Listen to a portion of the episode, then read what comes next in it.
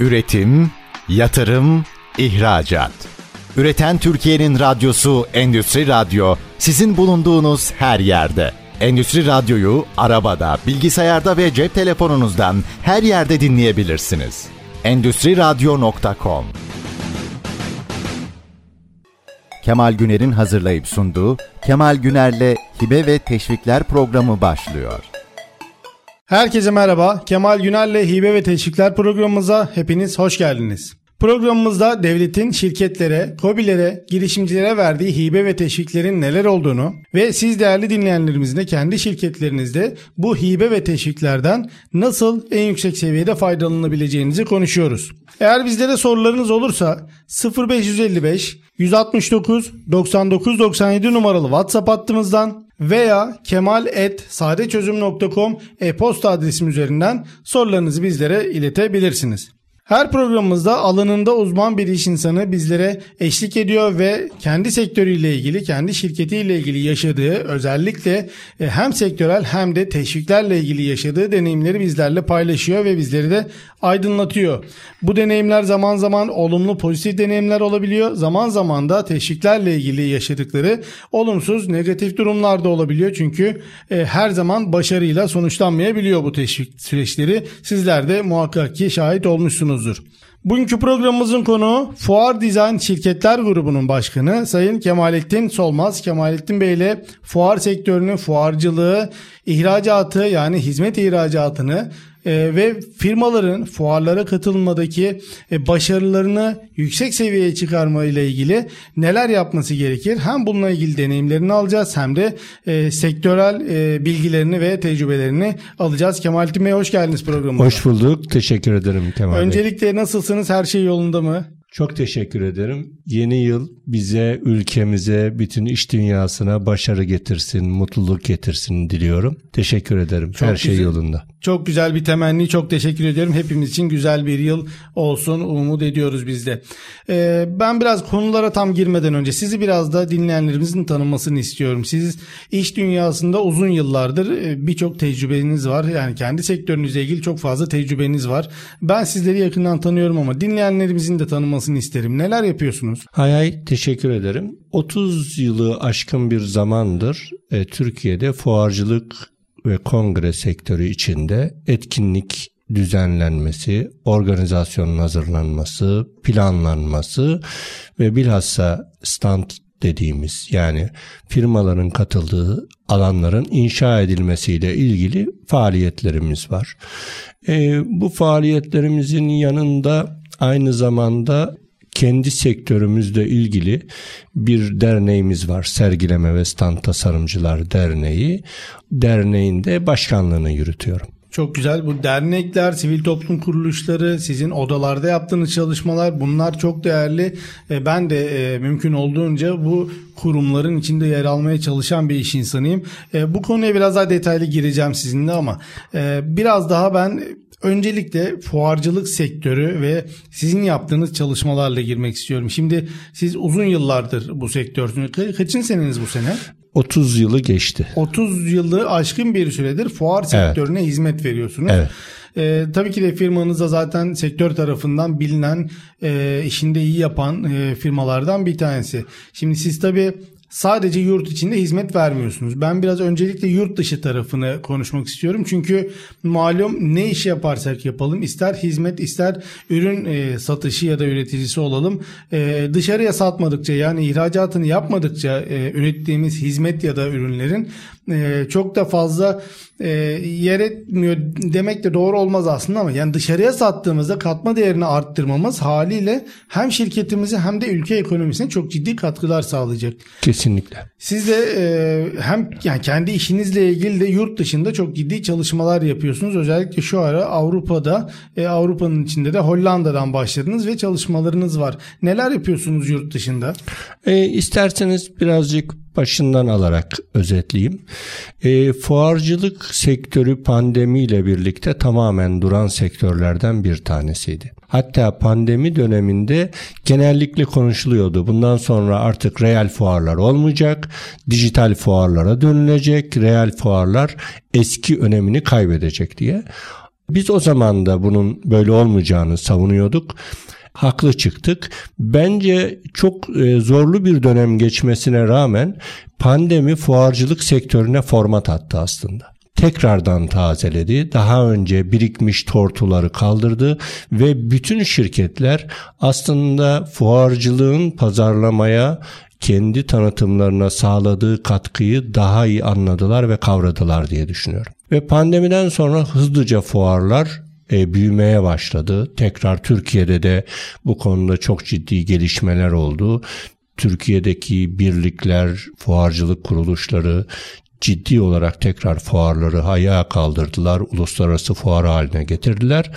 Bu süreçte bizim Türkiye'deki gerek devlet ve kamu kurumları tarafından düzenlenen milli katılım dediğimiz yöntemle gerekse Türk firmalar Avrupa ve dünyadaki bütün fuarlarda çok hızlıca yer almaya başladı. Biz de onlarla birlikte tekrar Avrupa pazarında yoğunlaşmaya başladık.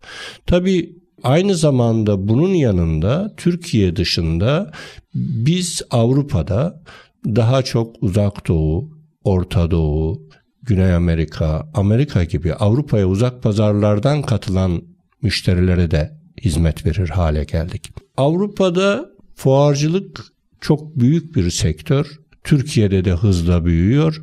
Avrupa'daki fuarcılık içinde Türkiye'deki stand dekorasyon yapan firmalarda pandemiden sonra büyük bir pay almaya başladılar. Biz de orada daha çok odaklanmaya başladık.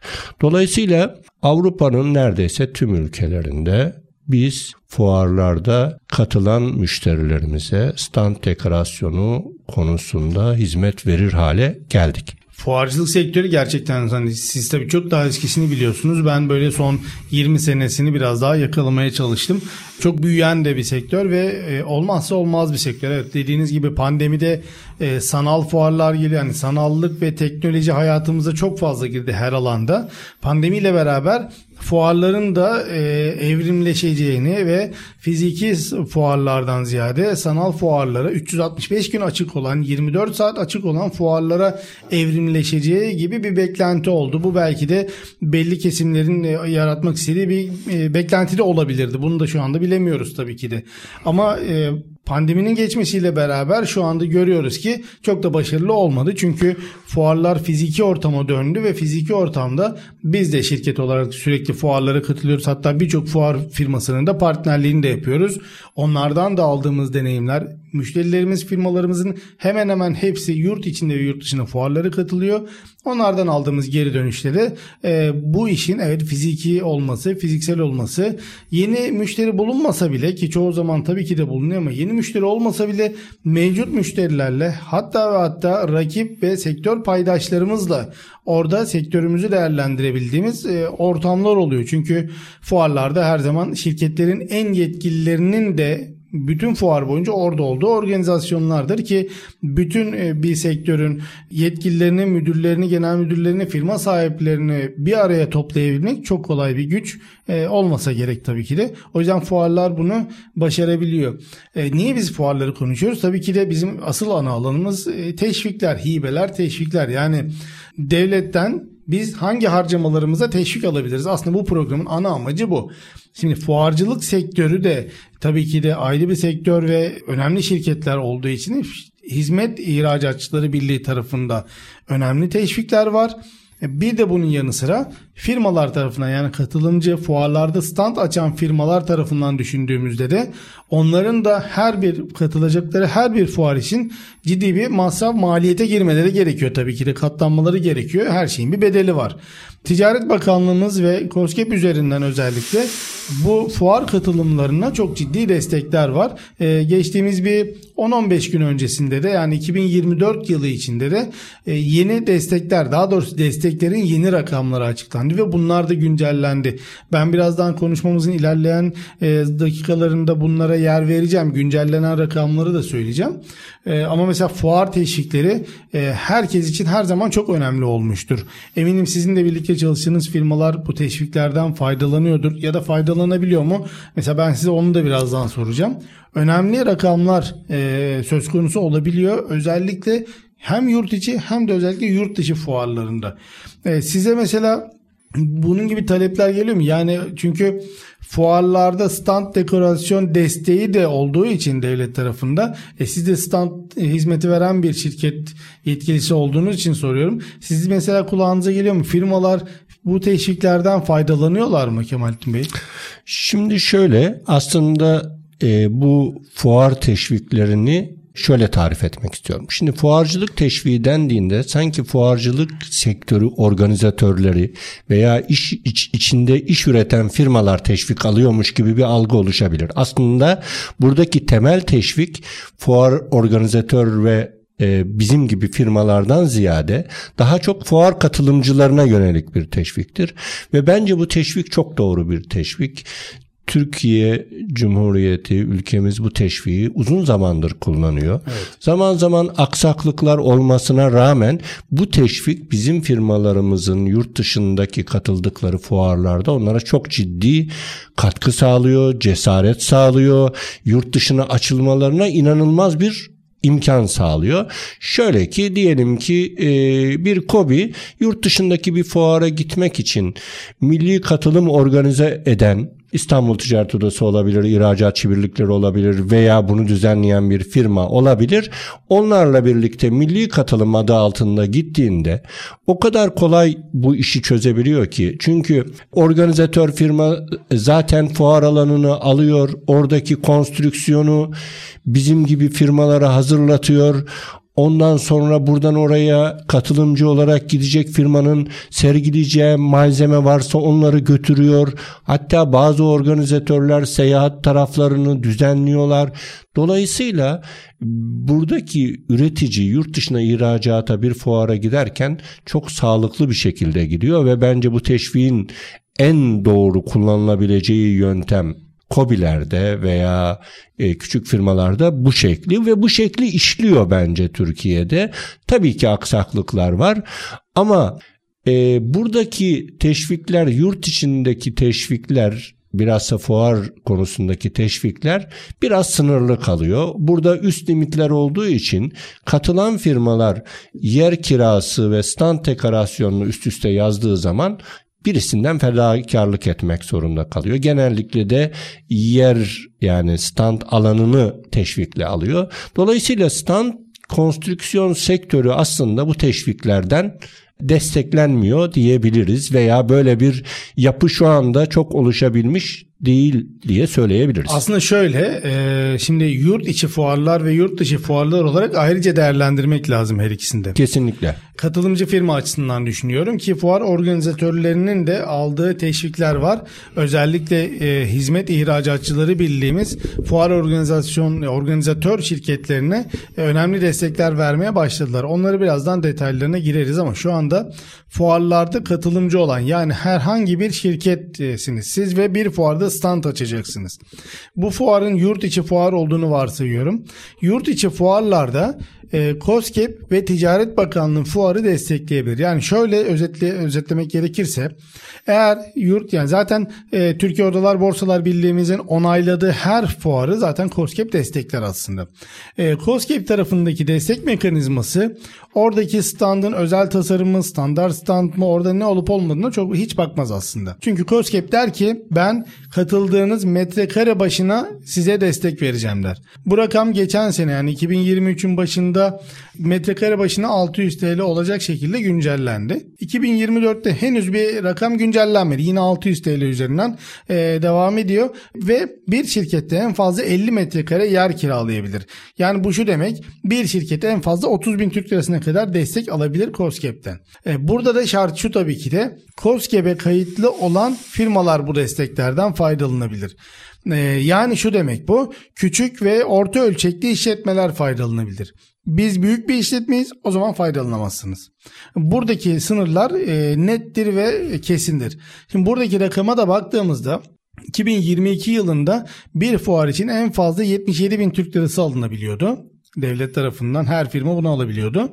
2023'te Ticaret Bakanlığımız bu rakamı 144 bin Türk lirası olarak güncelledi. Şeyde 2024'te de rakam 222.472 Türk lirası olarak güncellendi. Şimdi COSGAP destekliyor dedik ya metrekare başına bir bedel veriyor. Ama Ticaret Bakanlığı'nın yurt içi fuarlarında mekanizma biraz daha farklı ilerliyor. Orada bakanlığımız şuna bakıyor. Şirketin kira için yer kirası için ödediği bedel artı yaptıracağı özel tasarım stand bedeli bu iki harcamanın KDV hariç kısmının yarısını verir. Bu tabii küçük firmalar ya şu demek aslında 222.472 liraya aşağı yukarı hani 225 bin olarak yuvarlarsak 450 bin TL'ye kadar bir harcama yaparsanız yarısını veririm gibi bir algı çıkarabiliriz aslında. Ama bazı firmalarımız milyon harcıyorlar. Çok büyük ada kiralıyorlar mesela 200 metrekare 300 metrekare yerler kiralıyorlar. Çok özel standlar yapıyorlar birkaç milyon TL harcayabiliyorlar. Şimdi küçük bir firma için 222 bin lira çok büyük bir rakam olarak algılanırken 5 milyon, 3 milyon, 2 milyon harcayan bir şirket için 222 bin lira e, hiç de bir şey değilmiş destek gibi de algılanabiliyor. Burada mevzuata baktığımızda net %50'sini az önce ben de söyledim zaten harcamanın %50'si ama her firma içinde bir üst limit koyulduğu için burada firmalara bir eşitlik şartı sağlanıyor aslında. Şimdi biraz daha detayına gireceğim Kemalettin Bey ama burada şimdi saatime baktığımda ara vaktinin geldiğini fark ettim. Ee, bir kısa bir ara vereceğiz aradan sonra bu hem yurt içi fuar özellikle de yurt dışı fuar teşvikleriyle ilgili konuşmamıza devam edeceğiz. Peki görüşmek üzere. Evet, değerli dinleyenlerimiz birinci bölümümüzün sonuna geldik. İkinci bölümümüzde kaldığımız yerden devam edeceğiz. Üretim, yatırım, ihracat.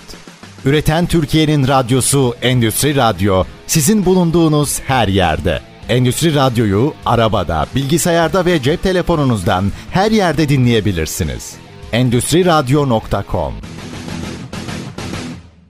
Tekrar merhaba. Kemal Günel'le Hibe ve Teşvikler programımız ikinci bölümüyle kaldığımız yerden devam ediyor. Bugünkü programımızın konuğu Fuar Dizayn Şirketler Grubu'nun başkanı Sayın Kemalettin Solmaz. Kemalettin Bey benim de iş hayatında yakından takip ettiğim çok da kıymetli bir iş insanıdır, değerli büyüğümüzdür. Tekrar hoş geldiniz ikinci bölümümüze de Kemalettin Bey. Şimdi fuar teşviklerini konuşuyorduk birinci bölümümüzün sonunda. Yurt içi fuar teşviğinden, desteğinden bahsettik. Aslında teşvik demek de doğru olmaz çünkü yani doğru olur mu olmazı da aslında tartışılabiliriz de. E, çünkü teşvik ediyor firmaları fuarlara katılsın diye. Bu bir hibedir. Yani geri ödemeksizin devlet tarafından şirketlere verilen bir hibedir aslında. Yurt içi fuarlarda az önce dediğim gibi 222.472 Türk lirasına kadar her firma destek alabiliyor. Tabi yapacağı harcamanın yarısı olacak şekilde. Yurt dışı fuarlar var bir de. Yani oradaki rakamlar da katılım rakamları ve masraflar maliyetler de biraz daha artıyor haliyle takdir edersiniz. Oradaki e, yurt dışında herhangi bir fuara katılacağı zaman bir firma e, burada yine Ticaret Bakanlığımızdan destek alabilir. Şunu hatırlatmakta fayda var. Yurt dışı fuarlara COSGAP destek vermez. Ticaret Bakanlığımız destek verir. COSGAP'ten yurt dışı fuar desteği alınma durumu vardır ama sadece COSGAP'in yurt dışı pazar projesi diye bir desteği vardır o projeye başvurmuş ve projesi onaylanmış firmalar e, destekten faydalanabilir. Ama Ticaret Bakanlığımızın yurt dışı fuar teşviğinden herhangi bir proje yazmadan herhangi bir fuara katılmanız yeterli olacaktır. Sadece fuara katılmadan önce muhakkak katılacağınız fuarın bakanlığımız tarafından desteklenen fuarlardan olup olmadığını kontrol edin. Eğer sizin katılacağınız fuarı bakanlık desteklemiyorsa bakanlığınızla irtibata geçip destek yönetim sistemi üzerinden irtibata geçip katılacağınız fuarın desteklenmesi talebini bakanlığımıza iletebilirsiniz. Buradan da e, biz dinleyen dinleyicilerimize duyurmuş olalım. Bu da önemli bir detay.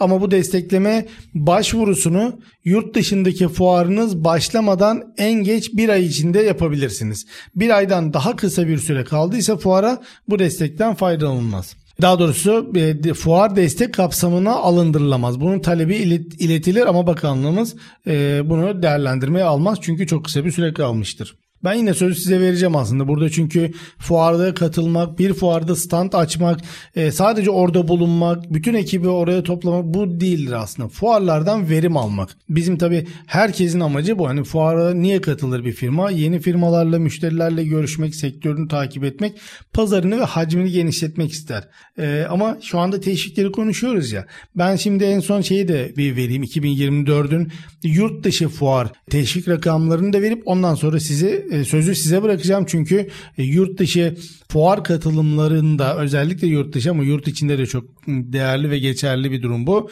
Nasıl başarılı oluruz? Daha fazla başarıyı nasıl sağlar firmalarımız? Nelere dikkat etmeleri gerekir? Bunları da öğrenmek istiyorum sizden. Öncelikle rakamları vereyim ama ben. Yani yurt dışı fuarlarda herhangi bir firmamız yurt dışında bir fuarda stand açarsa eğer buraya destek var diye az önce özetlemiştik. Ticaret Bakanlığımız yurt dışı fuarları aslında 3 kategoriye ayırır. Bunlardan bir tanesi genel nitelikli fuarlardır. Bir tanesi sektörel nitelikli fuarlar, bir diğeri de prestijli fuarlar. Yani Ticaret Bakanlığımızın uzmanları bir fuarı destek kapsamına alıp almayacağını incele, incelerken belli kriterlerden geçirir ve o kriterlere göre de fuarları 3 ayrı kategoriye ayırır. Şimdi eğer yurt dışında katıldığınız ya da katılacağınız bir fuar genel nitelikli fuarlar listesinde ise Ticaret Bakanlığımız 2024 senesinde 418.681 Türk Lirası destek verir en fazla. Burada da mekanizma şu şekilde ilerler. Aynı yurt içi fuarda COSGAP'te olduğu gibi metrekare başına bir destek bedeli belirler Ticaret Bakanlığımız. Yani siz Almanya'daki X fuarına stand açacak bir şirketsiniz diyelim. Orada bakarsınız bakanlığın açıkladığı bir liste vardır ve o listede o fuar varsa zaten bakanlığın o listesinde metrekare başına ne kadar desteklendiğini de görürsünüz. Örnek veriyorum 10.227 lira destek veriyordur ve siz 50 e, metrekare yer kiralamışsınızdır. Kaç metrekare yer kiraladıysanız o tutarı çarpar alabileceğiniz desteği hesaplayabilirsiniz. Ama dediğim gibi eşitliği de sağlamak amacıyla burada da fuar başına üst limitler var. Ee, az öncekini tekrarlayacağım. Genel nitelikli fuarlarda 418.681 liraya kadar destek varken sektörel nitelikli fuarlarda 698.317 liraya kadar destek var. Prestijli fuarlarda da 2 milyon 96 bin 497 Türk lirasına kadar destek alınabilir. Yani e, küsuratlar biraz böyle bazen şey geliyor. Hani 497 ne ya bu ya 500'dür ya, da sıfıra indirgen. Yani biz yuvarlağı severiz ya yuvarlak hesapları falan. Burada ama kuruşu kuruşuna veriyor. Çünkü bunlarda tabii hesaplama mekanizmaları var. E, bakanlıktaki uzmanlarımızın hesaplarına e, göre bu rakamlar ortaya çıkıyor. Ama şunu söyleyebiliriz aslında. Hani 2 milyon 96 bin diyor ya bunu biz 2 milyon 100 bine yuvarlarsak şöyle diyebiliriz aslında. Bir şirket yurt dışında bir fuara katılır yapılırsa en fazla 2 milyon 100 bin Türk lirasına kadar destek alabiliriz söyleyebiliriz. Bu arada şunu da hatırlatmış olayım. Burada bazı rakamlar, başvuru şartları bir şeyler anlatıyoruz ama bunlar şu anda biz bu programı yaparkenki güncel rakamlar. Yani şu anda bunlar güncel ve e, alınabilen rakamlar. Ama bu programlar tabii daha sonradan podcast oluyor, yayınlanıyor falan. Eğer sonra da dinlerseniz eğer tavsiyem şu olacak. Desteğe başvurmak istediğiniz zaman ilgili kurum, Ticaret Bakanlığı ise Ticaret Bakanlığı, COSGAP ise COSGAP ilgili bakanlıkla iletişime geçip en güncel net şartları muhakkak onlardan e, takip edin. Evet ben biraz fazla konuştum onun farkındayım. E, size sözü devretmek istiyorum şimdi. E, hem şunu soracağım. Bu destekleri, destek rakamlarını ve içeriklerini nasıl buluyorsunuz? Sonrasında da şeye bağlamanızı isteyeceğim. Firma dedik yani biz stand açar en güzelini de yaptırabilir. Bunlar biraz da maddiyata bakan şeylerdir. Ama en güzel standı yapan o fuardan en verimli sonucu alacak da en fazla parayı harcayan firma o fuardan e, en çok verim alıp çok çok müşteriye sahip olacak diye de bir gerçek yok. Firmalar fuarlardan verimliliği nasıl arttırabilirler, nasıl faydalanabilirler? Kemal Bey önce şunu söylemek isterim iş dünyasından bir insan olarak siz konuşurken ağzınızdan bal damlıyor. Teşvikleri bir anlatıyorsunuz, bir anlatıyorsunuz. Ee, insan hemen diyor ki aa bu kadar teşvik mi var diye. Evet hakikaten fuarcılık sektöründe bilhassa yurt dışında dediğiniz gibi çok teşvik var. Ama bu teşvikleri biraz önce sizin de belirttiğiniz gibi aslında devlet belli kriterlere oturtmuş vaziyette. Yani mesela bir fuara milli katılım yapılıyorsa o fuardaki teşvik oranı %70'e kadar çıkabiliyor. Yani o fuarın birim fiyatının. Üst limitler sizin söylediğiniz şekliyle olmak kaydıyla. Üst limitler sabit ama evet. yüzde konusu e, bakanlıkta yüzde yok sadece hesaplamalarla ortaya evet. çıkıyor. Ama e, son zamanlarda karşılaştığımız bir şey yüzde doksan yüzde yüzü de geçen desteklerde olduğuna o, şahit olabilir. Olabilir. Burada sadece bence şuna fokuslanmak lazım. Destek almak için fuara katılmak bence doğru bir yöntem değil. Doğru fuarı seçip o fuara destek almak doğru bir yöntem. Evet. Bu gerek yurt içinde de böyle, Yurt dışında da böyle. Kaldı ki devlet zaten bu parayı size baştan vermiyor. Siz parayı harcıyorsunuz. Belgelerinizi, dokümanlarınızı doğruca hazırlıyorsunuz. Devlete teslim ediyorsunuz ve ondan sonra teşvinizi alıyorsunuz. Bu süreci doğru yürütülmediği zaman genellikle çok ciddi hayal kırıklıkları oluşuyor ve bu sektörlerin teşvikten yararlanma konusunda e, yeteri kadar faydalanamamasına sebep oluyor. Şimdi e, bu teşvikler konusunda yurt dışında baktığımızda bunu çok verimli kullanan firmalar var. Yani dediğiniz gibi doğru fuara katılıyorsa, doğru fuarda doğru iş yapıyorsa hakikaten çok başarılı olabilir. Stand dekorasyonu aslında e, bir kıyafet gibi düşünebilirsiniz. Yani bir firmanın çok parası var diye stand dekorasyonuna çok para harcaması gerekmiyor. Ama ne bileyim bir baloya gittiğinizde giydiğiniz kıyafetle günlük giydiğiniz kıyafet nasıl farklıysa fuarın önemine göre veya firmanın katıldığı fuardaki rakipleriyle olan mukayesesine göre dekorasyonu ona göre belirliyor. Aslında tabii ben hep şunu söylüyorum. Yani fuara katılıp katılmamak bir tercih ama stand yaptırmak mecburiyettir. Evet. Katılmayabilirsiniz. Bu en doğal hakkınız ama katıldığınızda kendinizi doğru temsil edemiyorsanız bu sadece standla da ilgili değil. Doğru temsil edemiyorsanız harcadığınız paranın karşılığını alamıyorsunuz demektir. Bunu alabilmek adına bu aslında bir bütün bir yapı. Yani hangi fuara niçin katılıyorum? O fuardan beklentim ne? O fuarda hangi müşterilerle görüşmek istiyorum? Ürünümü satmak istiyorum, kendi tanıtımımı yapmak istiyorum, pazar analizimi yapmak istiyorum, o ülkeyi mi tanımak istiyorum? Çünkü fuarcılık hakikaten o kadar e, yönlü bir şey ki bir ülkeye gittiğinizde o ülkedeki kendi ürününüzü tutundurmayla ilgili bence en iyi pazar analizi yapacağınız yerlerden bir tanesi fuardır. Ama eğer şöyle bir beklenti içinde olursa ki bu yanılgı çok oluyor. Ben çok güzel bir dekorasyon yapayım. Herkes bizi çok beğensin, bize gelsin. iş bağlantılarını yapalım muhteşem olsun. Öyle olmuyor. Hemen sözleşmeleri imzalayalım. Öyle olmuyor. Öyle olmuyor. Standınız olacak. Tanıtım e, dokümantasyonlarınız olacak. Bir kere şöyle bir yanılgı var. Bunun bunu biz ortadan kaldırmalıyız. Genellikle fuarda katılımcıların Türkiye için söylüyorum temel şikayeti şu. Kimse gelmiyor fuar. Şimdi herkes organizatörden bek. Ben fuara katılayım. Bütün müşteriyi organizatör getirsin. Evet. Efendime söyleyeyim ben de siparişleri yazayım. Muhteşem bir sonuca ulaşalım. Ama denklem böyle değil aslında. Katılan firmanın kendi tanıtımını yapması, o fuarda görüşmek istediği müşterilerle önceden haberleşmesi, onları fuara davet etmesi, fuarda onlarla ilgili olarak yeni bir ürün lansman yapacaksa onu duyurması, mevcut ürünleriyle ilgili kampanya yapacaksa onu duyurması. Bunların hepsi fuarda onun sonuç almasını etkileyen ana unsurlardır. Onun dışında genellikle şöyle oluyor. Fuara katılınıyor fakat fuarda firmadan gelen yetkili ilgili veya yeterli bilgiye sahip olamıyor. Dolayısıyla standta hani böyle standın içinde elleri bağlı telefonuyla oynayan birisinin o fuardan çok sonuç almasını beklemek aslında çok evet. da mümkün değil. Bu biraz motivasyonla alakalı gibi geliyor bana. Stand dekorasyonu da bir dili var stand dekorasyonlarının da. Yani siz yaptığınız stand dekorasyonunun dört tarafını kapatıp tek kapıdan içeriye alıyorsanız bunun insanların psikolojisi üzerinde bir etkisi var. Veya standı tamamen açıp insanların gireceği bir hale getiriyorsunuz. Bunun başka bir dili var. Hatta standın zeminini düz yapmakla 10 santim platform yapmak arasında bile psikolojik olarak farklılık var. Yani standınızı kapalı yapıyorsanız ben seçtiğim müşteriyle görüşmek istiyorum diyorsunuz. Evet. Standınızı tamamen açarak yapıyorsanız bu sefer de ben herkese karşılamak istiyorum. Herkesle tanışmak istiyorum diyorsunuz. Buradaki temel unsur aslında stand dekorasyonunda da fuar katılımında da sonuç almak. Sonuç odaklı olarak eğer firmalar bunu planlayabilirlerse bence başarılı olacaklardır diye düşünüyorum. Nitekim bu konuda çok başarılı firmalarda görüyorum açıkçası.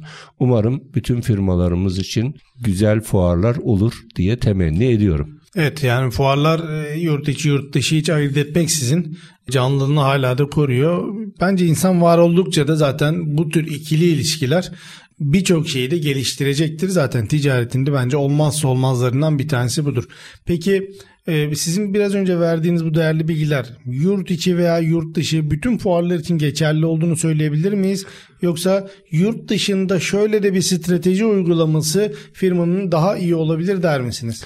Yani bence genelde geçerli. Sadece şöyle ayrıştırmak lazım. Hani o fuar son kullanıcıya yönelik bir fuar mı? Yoksa bir ihtisas fuarı mı? İhtisas fuarı ise bu anlattıklarımın çoğu zaten geçerli bence. Ama son kullanıcıya yönelik bir otoshow fuarıysa veya buna benzer bir fuarsa onda farklı etkinlikler planlamak lazım. Ama mesela fuarlarda da stand dekorasyonları artık sadece logoların konduğu, ekranların konduğu bir alan olmaktan çıktı. İçinde teknik bilgiler verilen, e, sektörel bilgiler verilen, küçük küçük toplantılar yapılan alanlar haline gelmeye başladı. Hatta birçok böyle çok kritik fuarlarda mesela savunma sanayinde hı hı. veya işte büyük makina fuarlarında sözleşme imzalama fuara bırakılır. Yani onun şovu orada yapılır. Evet. Çok ciddi bir satış yapılmıştır. Zaten 6 aydır görüşmeler yapılmıştır. Belli bir noktaya gelinmiştir. Ama son imzalar fuarda atılır. Fuarda randevuleşilir. Evet orada randevulaşır. Orada çünkü bir hem tanıtım yapılmış olur hem duyuru yapılmış olur hem de o motivasyonla yeni talepler toplamak hı hı. mümkün olur. Dolayısıyla birçok bu tip teknikleri firmalar kullanıyorlar, kullanabilirler, geliştirebilirler. Bence çok da faydalı olur. Dedikleriniz çok önemli ve değerli. Ben de çok katılıyorum. Çünkü birçok fuarda dediğim gibi hem partnerlik yapıyoruz hem de zaten birçok fuarda özellikle stand açıp biz de kendi işimizi, hizmetimizi orada tanıtıyoruz. Çünkü birinci ağızdan firmaların bilgi alması gerekiyor her konuda. Bizim sektörümüz için de bu geçerli. E, net ve doğru bilgiyi direkt yerinde fiziki olarak almaları gerekiyor. Size katıldığım en önemli noktalardan bir tanesi de şu. Az önce dediğiniz ya destek almak için fuara katılınmaz. Bunu hemen hemen her yaptığım görüşmede söylüyorum. Destek almak için bir şey yapmayın. Çünkü o zaman o zarar olur. Yani e, ben fuarcılık desteğini anlatıyorum. 2 milyon 100 bin liraya kadar destek var diyorum. O zaman hemen bir fuara katılalım diyor. Bu, bu öyle bir şey değil. Yani o zaman fuara katılalım dediğinizde bu kar zarar e, tablosunda zarar hanenize yazılacak bir rakam olacaktır. Çünkü sizin de dediğiniz gibi zaten bu desteği ve diğer destekleri de hemen hemen her desteği de alabilmek için önce harcamanın tamamını şirketin yapmış olması gerekiyor zaten ki oradan %50, 60, 70, 90 neyse o oran e, bu hak edişini geri alabilsin. O yüzden kendi bütçeleriyle, kendi finansal e, gerçeklikleriyle bu fuarları katılmayı planlasın firmalar. Ama destekleri de göz ardı etmemek gerekiyor tabii ki de. Hani bu dediğim şeye de algılanmasın. Hani bazen şey ya bize çıkar mı bu destekler diyorlar. Hani milli piyango değil bu diyorum. Hani e, size çıkar bana çıkmaz ya tutarsa bu öyle bir şey değil. Gerçekten bu harcamaları yaparsanız e, şimdi mesela fuar desteğini konuşuyoruz. Gerçekten devletin desteklediği bir fuara katılırsanız evet bu desteği alırsınız. Orada bir şey yok. Hani e, aksi bir durum da yok. Ama sizin de dediğiniz gibi destek var diye fuara katıldığınız zaman o iş e, zarar hanemize yazılır. Evet şimdi ikinci bölümümüzün de sonuna geldik. Yine bir kısa bir soluklanma aramız olacak. E, değerli dinleyenlerimiz kısa bir ara veriyoruz. Aradan sonra son bölümümüzde kaldığımız yerden devam edeceğiz. Üretim, yatırım, ihracat. Üreten Türkiye'nin radyosu Endüstri Radyo sizin bulunduğunuz her yerde. Endüstri Radyo'yu arabada, bilgisayarda ve cep telefonunuzdan her yerde dinleyebilirsiniz. Endüstri Radyo.com Tekrar merhaba. Kemal Güner'le Hibe ve Teşvikler programımız son bölümümüzde kaldığı yerden devam ediyor.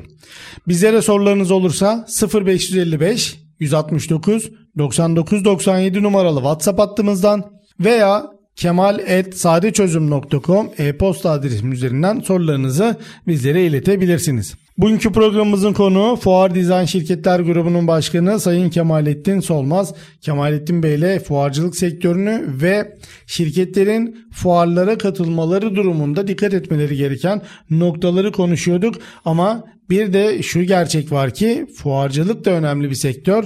Önemli maliyetleri, önemli harcamaları oluyor. Fuarcılık sektörü şirketlerinin de alması gereken hibelerin ve teşviklerin olması gerekiyor.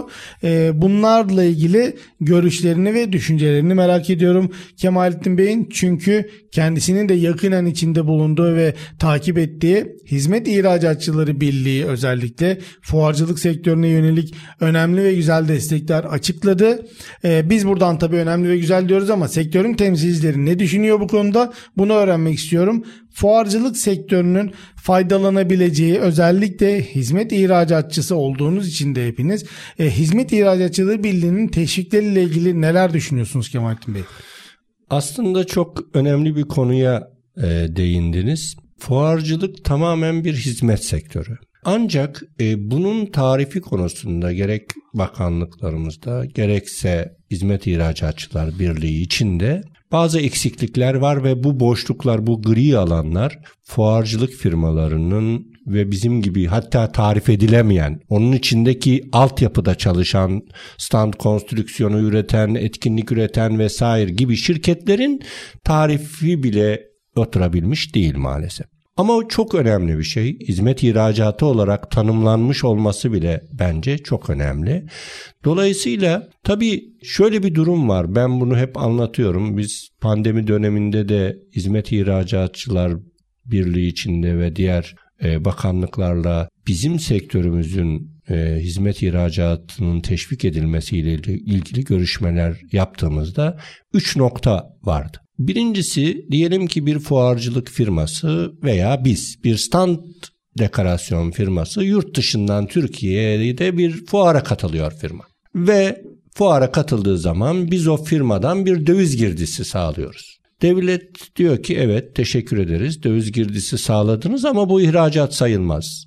Genel olarak söylüyorum. Evet. Niye? Çünkü hizmeti Türkiye'de verdiniz. Peki Avrupa'da Türkiye'den katılan firmalara stand dekorasyonu yapıyoruz. Veya çok büyük birliklere, derneklere de yapıyoruz. Bunların faturalarını kadevesiz kesebiliyoruz. Ödemelerini de döviz olarak alabiliyoruz. Ama bu da hizmet ihracatı sayılmıyor. Çünkü diyor ki katılan firma Türk. Biz de diyoruz ki evet doğru ama bu hizmeti biz vermesek yurt dışındaki bir şirketten alacaksınız ve ülkenin parası yurt dışına çıkacak. Evet. Ama burada da çok gri alan var. Dolayısıyla bunu da şu bahsettiğimiz teşviklerin içine aslında e, net olarak oturtabilmiş değiliz. Üçüncü önemli bir konu daha var. Bu bizim bilhassa stand dekorasyonu konusunda olan bir konu.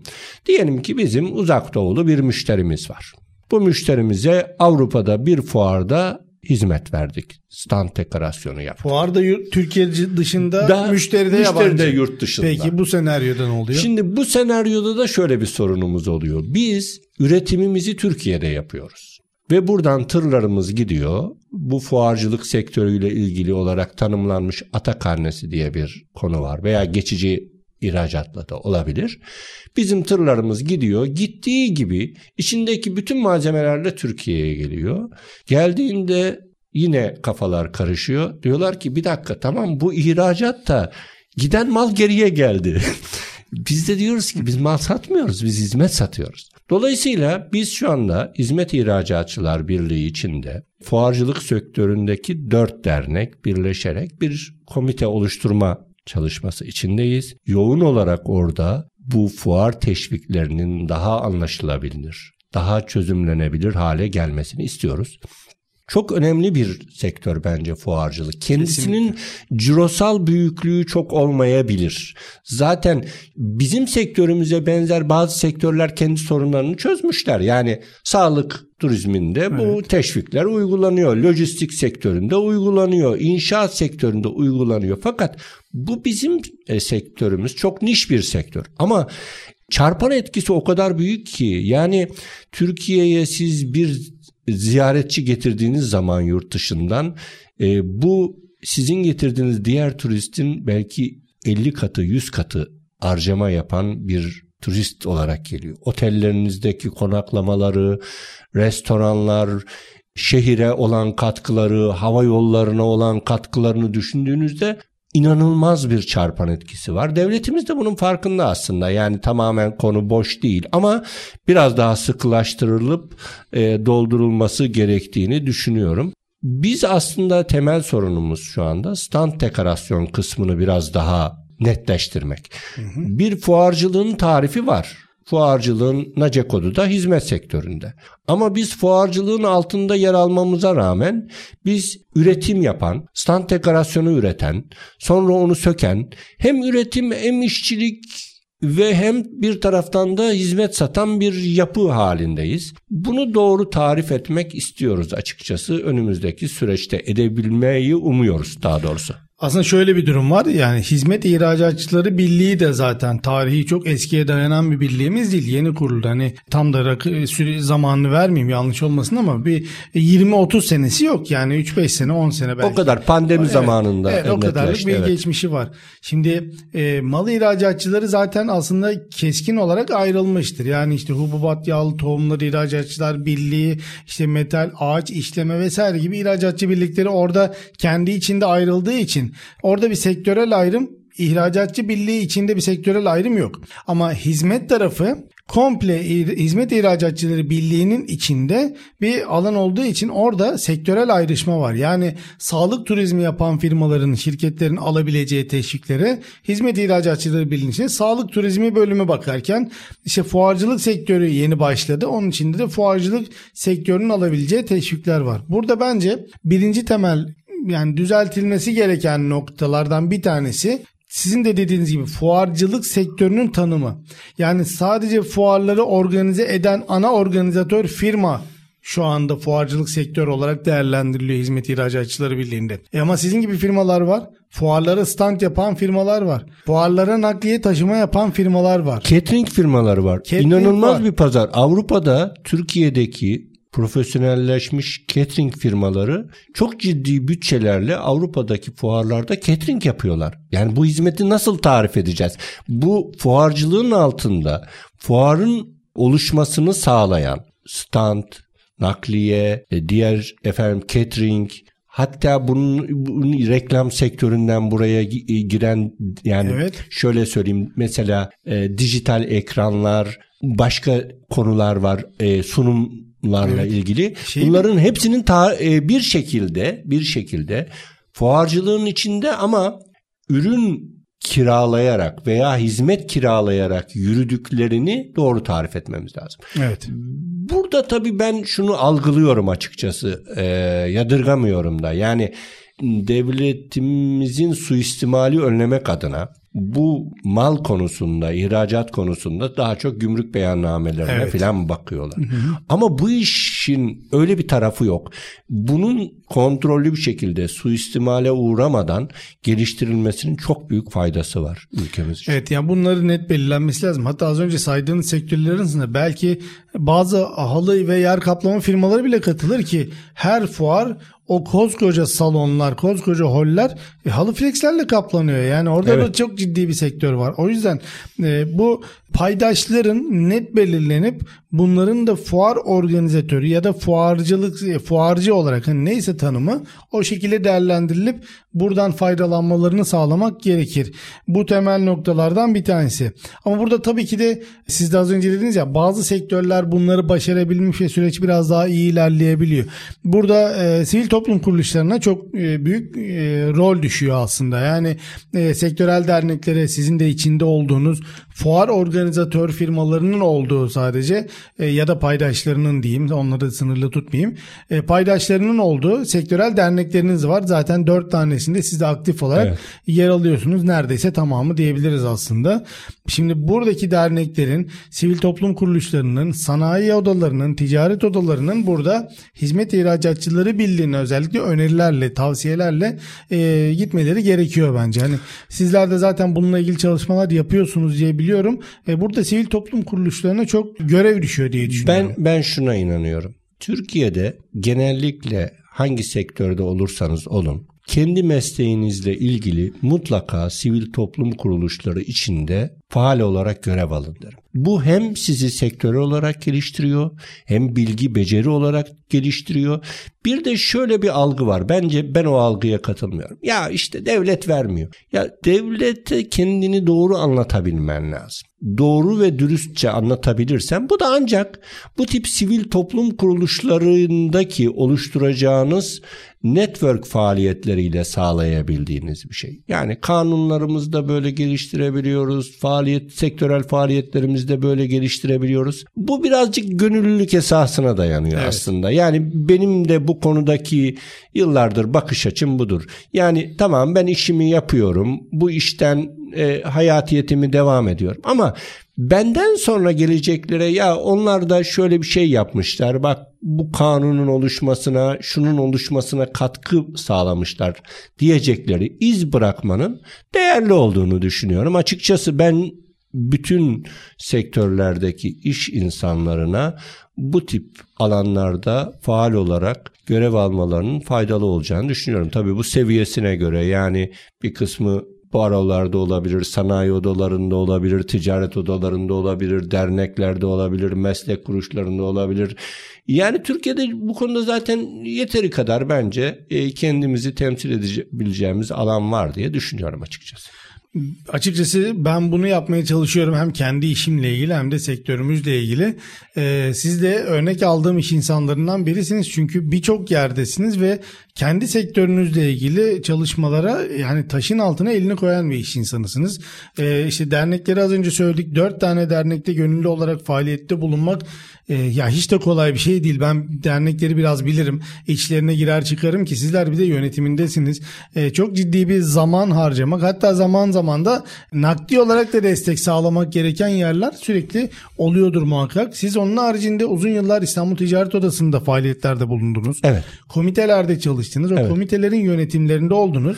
Şimdi Burada neden bulunuyorsunuz? Yani bir İstanbul Ticaret Odası'nın bir komitesinde üye olana bildiğim kadarıyla bir para ödemiyorlar. Kesinlikle. E, niye Çok oradasınız? fazla da yükümlülük getirirler. Evet yani niye oradasınız? Çünkü kendi şirketinizi ve özellikle de sektörünüzü temsil edip sektörün e, paydaşlarına fayda sağlamak için oradasınız yani, aslında. Tabii aynı zamanda mesela TOP'ta da Kreatif Endüstriler Meclisi içinde ben e, uzun zaman yer aldım, yer alıyorum. Orada da mesela aslında biz bir stand dekorasyonu üretiyoruz ama doğru baktığınızda fikir üretiyoruz aslında. Kreatif bir endüstri içinde bulunuyoruz.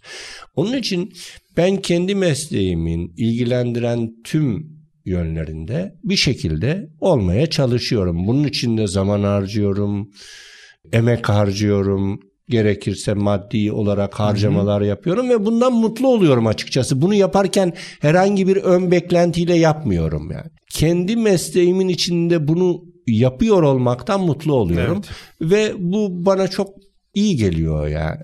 Çok iyi geliyor. İyi ki de yapıyorsunuz çünkü ben eminim daha hiç sizin de adınızı duymamış, sizin de hiç onları duymadığınız, tanımadığınız birçok insana da bu yaptığınız çalışmalarla da fayda sağlıyorsunuz. Ben de bunu yapmaya çalışıyorum ki ben şuna da eminim. Bu ülkede yaşayan herkesin diğerlerine tanısa tanıması hiç fark etmez. Diğerlerine borcu var. Bu borcu bir şekilde ödemek zorundayız biz. E, kimileri sivil toplum kuruluşlarında görevler alıp da oraları daha iyileştirmeyle ilgili çalışmalar yapar. Kimileri e, yandaki komşusuna destek olarak yapar ama herkesin bir şeyler yapması gerektiğine de e, sonuna kadar inananlardanım. E, saatime bakıyorum e, son dakikalarımıza gelmişiz. Zaman e, su gibi aktı gerçekten çok keyifli ve güzel bir program geçti. Ben böyle bir iki cümleyle bir toparlamanızı isteyeceğim çünkü çok fazla vaktimiz kalmamış. Hem kendi sektörünüzü hem de konumuz fuar olduğu için fuarlara katılacak firmalara olan e, tavsiye ve e, görüşlerinizi rica edeceğim. Öncelikle bu keyifli sohbet için ben de teşekkür ederim. Çok güzel oldu. Ben fuarlara katılan firmalara şunu söylemek istiyorum. Doğru kullandığınızda şundan emin olabilirsiniz ki 30 yıldan fazladır ben e, bu sektörün içinde faal olarak yer alıyorum. En ucuz reklam ve tanıtım mecrası fuarcılıktır. Bundan kesinlikle emin olabilirsiniz. Çünkü Başka hiçbir yerde müşterinizle karşı karşıya gelemezsiniz. Onunla konuşamazsınız. Ona bir kredi verecekseniz ilk önce onunla bir değerlendirmeniz lazım. Bunu fuarlarda sağlarsınız. Sadece fuarları boş geçirilecek bir zaman gibi düşünülmemeli. Oraya harcanan her kuruş paranın karşılığını almak için o fuarın açıldığı dakikadan akşam kapandığı dakikaya kadar yoğun olarak, doğru olarak planlanmalı. Hatta akşam müşterilerle iş yemekleri planlanabilir. Bayiler getirilip kendi standında onlar ağırlanabilir. Hı hı. Çünkü bunların e, genelde iş hayatı içinde hep ticaret tahsilat, ödeme, evet. mal yetiştim filan gibi geçiyor. İnsanların kafasının bu kadar e, rahat olduğu, size entegre olabilecekleri, sizi dinleyebilecekleri başka bir ortam oluşturamazsınız. Onun için bence katılın fuarlara, fuarlar iyi gelir. Evet Kemal Bey çok teşekkür ediyorum programa katıldığınız için. E, verimli bir program olduğunu düşünüyorum ki biz dinleyenler de eminim bundan sonra özellikle hem fuarcılık sektöründeki olan dinleyicilerimiz hem de fuarlarda standlar açan dinleyicilerimizin de birçok sağ, fayda sağlayacak konu onlar için de yararlı olmuştur diye düşünüyorum. Teşekkür ediyorum tekrar. Ben de teşekkür ederim. Endüstri Med şey, Radyo'ya da bize bu imkanı tanıdığı için de ayrıyetten kendilerine de teşekkürlerimi sunuyorum. Evet değerli dinleyenlerimiz programımızın sonuna geldik. Bugünkü programımızın konuğu Fuar Dizayn Şirketler Grubu'nun başkanı Sayın Kemalettin Solmaz'dı. Kemalettin Bey ile fuarcılık sektörünün hem yurt içindeki hem de yurt dışındaki çalışmaları ve özellikle de fuarlara katılan şirketlerin fuarlardan daha çok nasıl verim alabileceklerini ve tabii ki de bizim olmazsa olmazlarımız fuarlarla ilgili yapılacak harcamalarımıza devletten ne gibi hibeler ve teşvikler alabileceğimizi konuştuk. Umuyoruz ki sizler için de faydalı bir program olmuştur. Bir sonraki programda tekrar görüşmek üzere.